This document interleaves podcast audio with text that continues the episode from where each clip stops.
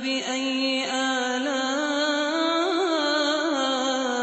ربكما تكذبان؟ بسم الله الرحمن الرحيم. السلام عليكم ورحمة الله وبركاته.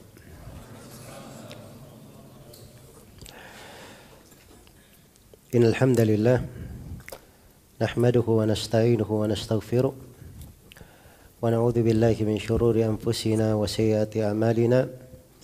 من يهده الله فلا مضل له ومن يضلل فلا هادي له. أشهد أن لا إله إلا الله وحده لا شريك له وأشهد أن محمدا عبده ورسوله. يا أيها الذين آمنوا اتقوا الله حق تقاته ولا تموتن إلا وأنتم مسلمون. يا أيها الناس اتقوا ربكم الذي خلقكم من نفس واحدة وخلق منها زوجها وبث منهما رجالا كثيرا ونساء واتقوا الله الذي تساءلون به والأرحام إن الله كان عليكم رقيبا. يا أيها الذين آمنوا اتقوا الله وقولوا قولا سديدا يصلح لكم أعمالكم ويغفر لكم ذنوبكم. ومن يطع الله ورسوله فقد فاز فوزا عظيما. أما بعد فإن أصدق الحديث كتاب الله وخير الهدي هدي محمد صلى الله عليه وسلم وشر الأمور محدثاتها فإن كل محدثة بدعة وكل بدعة ضلالة وكل ضلالة في النار. الإخوة والأخوات رحمني ورحمكم الله. Pada kesempatan sore hari ini kita insyaallah taala akan mengkaji kitab siam dari kitab Zadil Mustaqni fi Al-Muqni. Karya Syekh Musa bin Ahmad Al-Hajjawi rahimahullahu taala.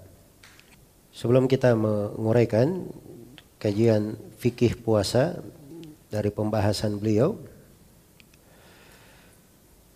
saya berikan pendahuluan terkait dengan biografi penulis dan kitab yang beliau tulis. Kitab ini adalah Zadul Mustaqni fi ikhtisar al-muqni. Artinya bekal orang yang merasa cukup. Jadi kalau dia cari perbekalan di bidang fikih maka buku ini bekal yang cukup baginya. Iya. Dan memang di dalam buku ini dipuji oleh para ulama, apalagi di masa sekarang ini, ini menjadi salah satu kitab pokok yang diajarkan oleh para ulama untuk memberikan dasar ilmiah kepada para penuntut ilmu dan menjadi tumpuan para penuntut ilmu di dalam membangun nuansa ilmiah pada dirinya di pembahasan fikih. Iya. Buku ini meringkas pembahasan-pembahasan fikih dan memuat banyak uraian cabang-cabang permasalahan di pembahasan fikih. Dari judulnya tampak bahwa beliau ini meringkas dari Al-Muqni. Dan kitab Al-Muqni itu adalah kitab Al-Imam Ibnu Qudamah rahimahullahu taala. Maka di sini kita perlu memberikan biografi penulis Zadil Mustaqni dan biografi penulis kitab Al-Muqni. Adapun penulis kitab Zadul Mustaqni beliau adalah Syekh Al-Allama Musa ibnu Ahmad ibni Musa bin Salim bin Ahmad bin Isa bin Salim. Gelar beliau Syarafuddin, kunya beliau Abu Naja, Al-Hajjawi, Al-Maqdisi, As-Salihi Ad-Dimashqi. Beliau dari Damaskus dan beliau mufti di negeri Syam di masanya. Iya. Mufti negeri Syam di masanya. Beliau dilahirkan di sebuah desa yang bernama Hajjah yang berada di Nablus pada tahun 895 Hijriah. Dan beliau tumbuh di situ berguru dari para guru yang berada di kota itu. Iya, dan di negeri Syam pada masa itu, Syam Mesir itu penuh dengan ahli-ahli fikih.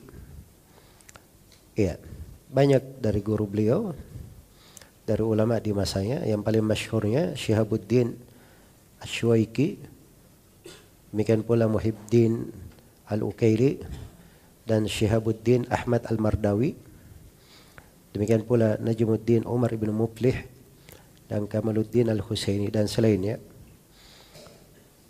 Karya tulis beliau di dalam bidang ilmu sangat lapang dan sangat luas.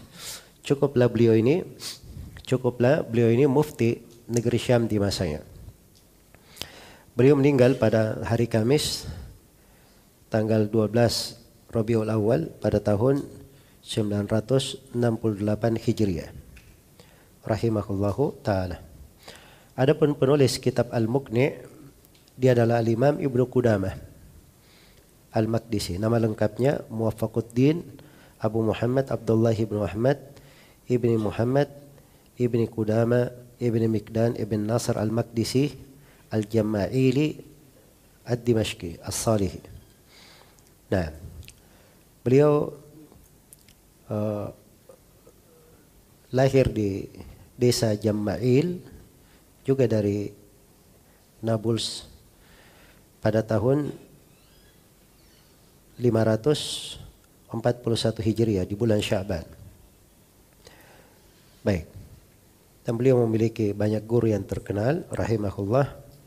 Karya-karya tulis beliau juga menjadi rujukan para ulama ahli fikih di masa beliau hingga masa sekarang. Beliau punya empat buku populer di pembahasan fikih.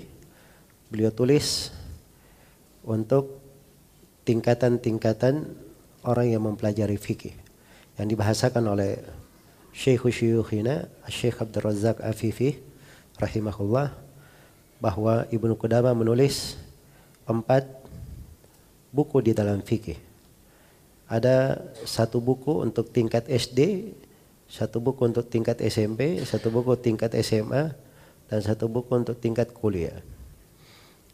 Ada kitab Umdatul Fiqh, kemudian di atasnya namanya Al-Muqni, di atasnya lagi namanya Al-Kafi, dan di atasnya lagi namanya Al-Mughni. Ini empat buku yang masyhur dari Ibnu Qudamah dan penulis meringkas yang mana? Al-Muqni yang diringkas oleh penulis adalah Al-Muqni.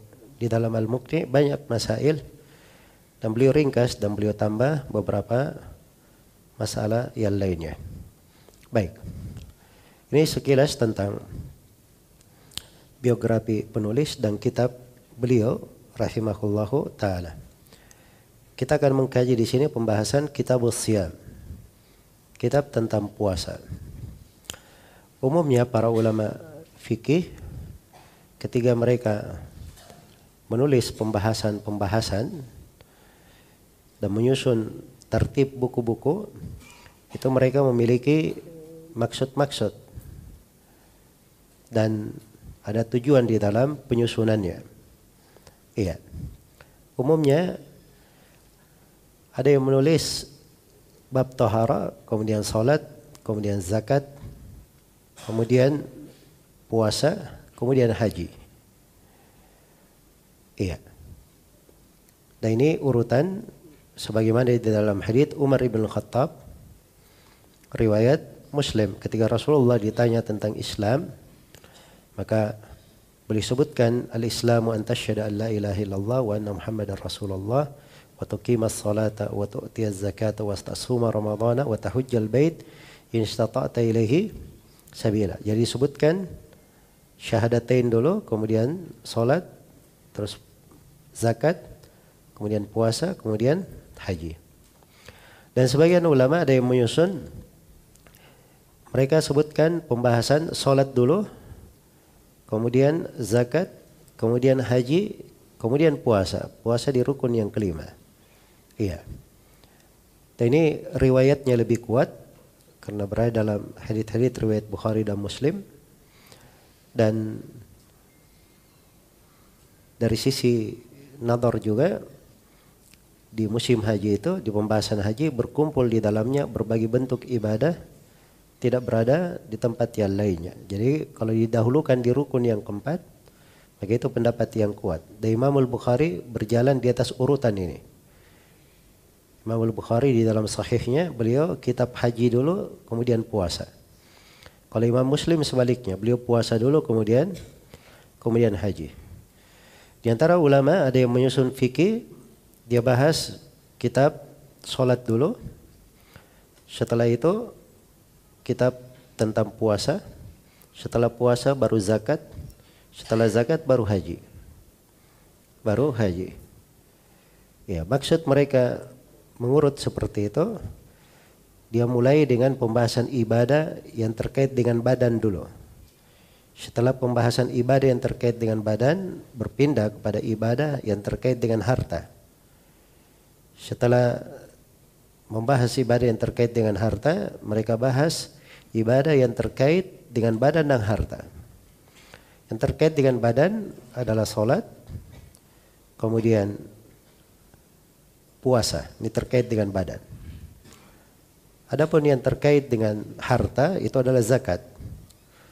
Dan yang bersyirikat di dalamnya adalah haji. Haji ini ibadah badan dan harta.